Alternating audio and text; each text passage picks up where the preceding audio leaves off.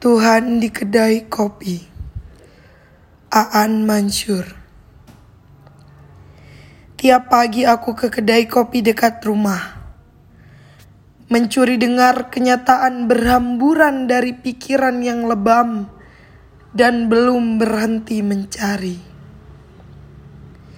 Semalam, di dalam mimpi aku bertemu Tuhan untuk aku sembah. Dia bernama sakit yang tidak mau sembuh.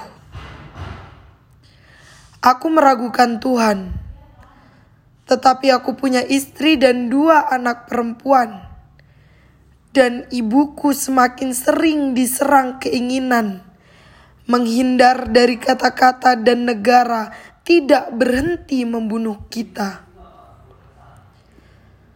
Segelas kopi yang kugenggam sembari mengenang hidupku yang terhapus adalah Tuhan yang hangat. Aku sendiri, Tuhan sendiri. Aku masih berharap Dia mau berteman baik denganku. Apakah Tuhan lebih dekat dari hidupku atau matiku? Kerap kubayangkan diriku penyair Misalnya pagi ini, aku memungut mayat-mayat Tuhan yang berjatuhan di antara gelas-gelas kopi, dan aku ingin menulis puisi. Tetapi menulis puisi berarti mengubah setumpuk abu jadi hutan, berarti merebut bahasa yang telah lama kembali ke mulut Tuhan.